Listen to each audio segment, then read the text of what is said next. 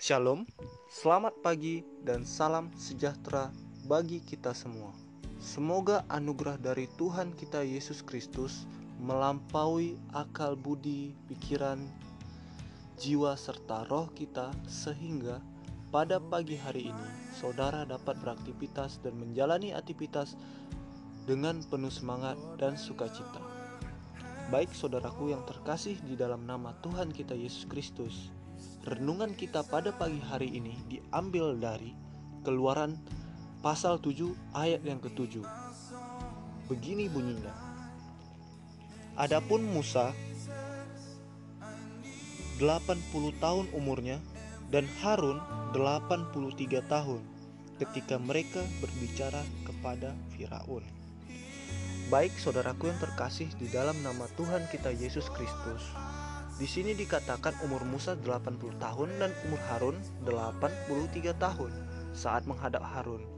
Maksudnya di sini adalah ceritanya di sini Musa ingin atau dipakai Tuhan untuk menyampaikan kebenaran kepada Raja Firaun. Raja Firaun adalah raja yang berkuasa di Mesir pada abad tersebut, di mana pada saat itu bangsa Israel masih dalam penjajahan Mesir dan di mana pada saat itu Raja Firaun sangat kejam terhadap bangsa Israel dan bangsa pilihan Tuhan ini tidak memiliki pemimpin. Atau bisa dikatakan bangsa pilihan Tuhan ini menjadi budak di tanah terjajah. Dan Tuhan memilih Musa dan Harun sebagai pemimpin dapat kita ketahui di umur 80 tahun dan 83 tahun. Ya pada zaman sekarang sudah sangat tua dan sangat renta tetapi Tuhan memakai mereka untuk memimpin suatu bangsa besar umat pilihan Allah keluar dari perbudakan Mesir. Kita bisa lihat Tuhan memakainya pada usia yang sangat tua. Belum ada kata terlambat untuk Tuhan memakainya bisa kita pikirkan kenapa Tuhan memakai orang yang sudah tua, orang yang sudah bisa dikatakan lansia. Kenapa Tuhan tidak memakai anak-anak muda atau orang-orang yang memiliki kekuatan atau tenaga sebagai pemimpin atau pikiran yang cerdas sebagai pemimpin? Di sini pada renungan kita pada pagi hari ini Tuhan ingin mengajak kita bahwa Tuhan tidak memandang umur, fisik atau apa pun, Tuhan melihat hati yang mau berkorban untuk dirinya, hati yang mau menyembah, hati Bapa, memiliki hati yang tulus ikhlas untuk melayani Tuhan, untuk melaksanakan apa yang Tuhan perintahkan. Kenapa hanya dua orang ini saja, tidak ada yang lain? Karena pada saat itu hanya dua orang ini sajalah yang memiliki hati pemimpin, hati untuk mau melawan Raja Firaun dengan segala konsekuensi dapat kita ketahui saudaraku bahwa bangsa Israel di sini masa perbudakan di mana tentara-tentara yang sangat kejam, di mana para pengaman-pengamannya itu sangat kejam pada mereka. Mereka tidak dalam hal makanan mereka dibatasi, mereka disiksa dan segala macam. Bila mereka berkata sedikit saja atau melakukan pemberontakan, bisa saja mereka akan dibunuh, bisa saja mereka akan disiksa. Tapi Tuhan memakai Musa dan Harun karena Tuhan melihat mereka ini tahan banting Tuhan melihat hati Harun, hati Musa, hati yang mau mengabdi kepada Tuhan. Di sini juga dalam kehidupan nyata kita tidak boleh lengah, kita tidak boleh berpikir ah sudah terlambat, tidak mungkin Tuhan mau memakai saya. Ah sudah terlambat, tidak mungkin Tuhan milih saya untuk menjadi tangannya di dunia ini untuk membagikan berkat. Ingat saudaraku, setiap kita yang mau menyerahkan diri kita, meninggalkan keduniawian ini, meninggalkan semuanya hanya untuk mengikut Yesus, mengikut Tuhan kita, dia akan mendapatkan kebahagiaan yang tidak bisa dimiliki oleh apa pun di dunia ini. Dari segi umur Musa dan Harun sudah sangat tua Musa, tetapi dipercayakan untuk memimpin bangsa yang besar. Berbeda dengan sistem yang ada di dunia ini. Berbeda dengan sistem pekerjaan di dunia ini yang umumnya menjadikan usia sebagai syarat. Bahkan saudaraku yang terkasih, ada suatu kepercayaan di masyarakat tertentu bahwa apabila seseorang telah mencapai umur 40 tahun dan belum menjadi apa-apa, maka sampai masa tua dan akhir hidupnya, ia akan begitu-begitu saja. Dan ada anggapan tidak ada lagi kesempatan baginya untuk mengalami kemajuan. Dan di usia 60 tahun, pada umumnya mereka sudah tidak dipakai lagi dalam sistem keduniawian, sistem pekerjaan di dunia atau apa. Mereka sudah dianggap tua, lemah, dan tidak lagi dibutuhkan. Tapi berbeda dengan Tuhan. Tuhan tidak seperti itu. Tuhan tidak melihat kau sudah apa masalahmu, apa dosamu, apa yang telah kau lakukan di masa lalu, apa yang telah kau perbuat umurmu berapa, dari kalangan apa pun kamu, Tuhan tidak melihat itu. Tuhan hanya melihat hatimu. Apakah hati saudara mau mengabdikan diri kepada Tuhan? Apakah hati saudara mau bekerja buat Tuhan? Apakah hati saudara mau melayani bagi Tuhan? Tuhan hanya melihat itu saudaraku. Tuhan itu adalah Tuhan kita yang sangat luar biasa saudaraku. Dia adalah sesuatu, bahkan dunia selalu memandang kita terlalu terlambat. Tidak ada jaga hal lain untuk mengabdi kepada Tuhan.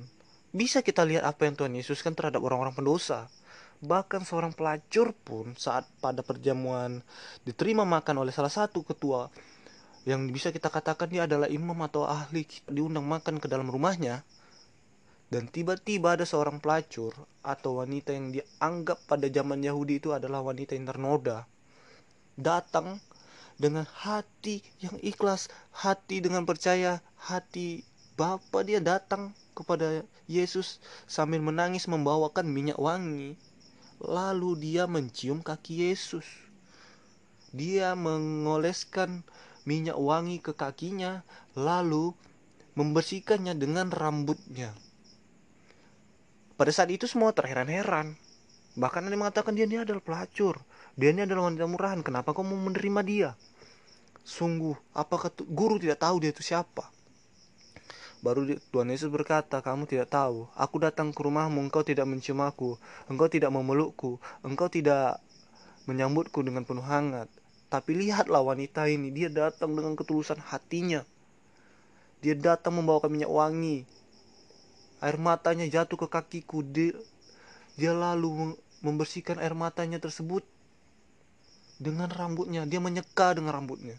Itu tidak dilakukan manusia pada umumnya seperti itu. Merasa sudah terlambat. Merasa yang kita melakukan banyak dosa. Jadi kita terus melakukan dosa jadinya.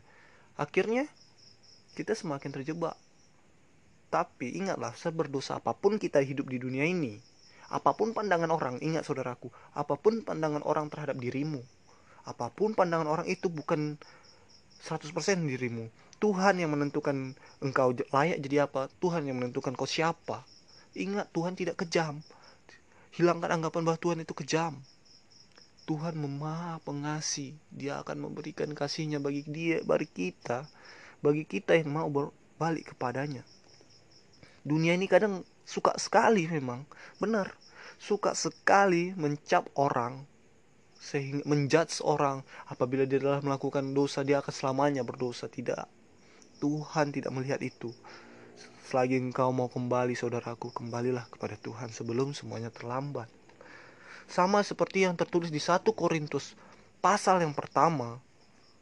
1 Korintus 1 ayat 27 sampai 31 Begini bunyinya.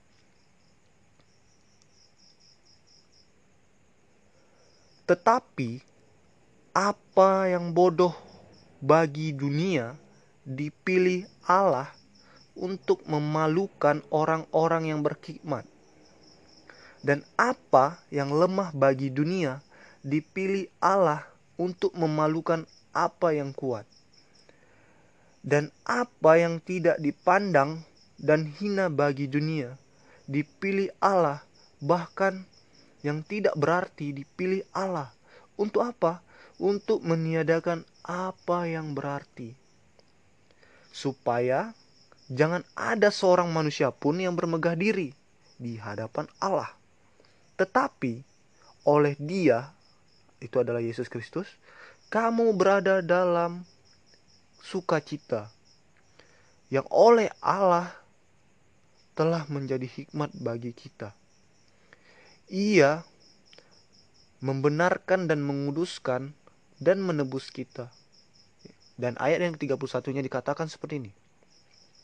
Karena itu, seperti ada tertulis, barang siapa bermegah, hendaklah dia bermegah di dalam nama Tuhan. Haleluya. Barang siapa yang bermegah, hendaklah dia bermegah di dalam Tuhan.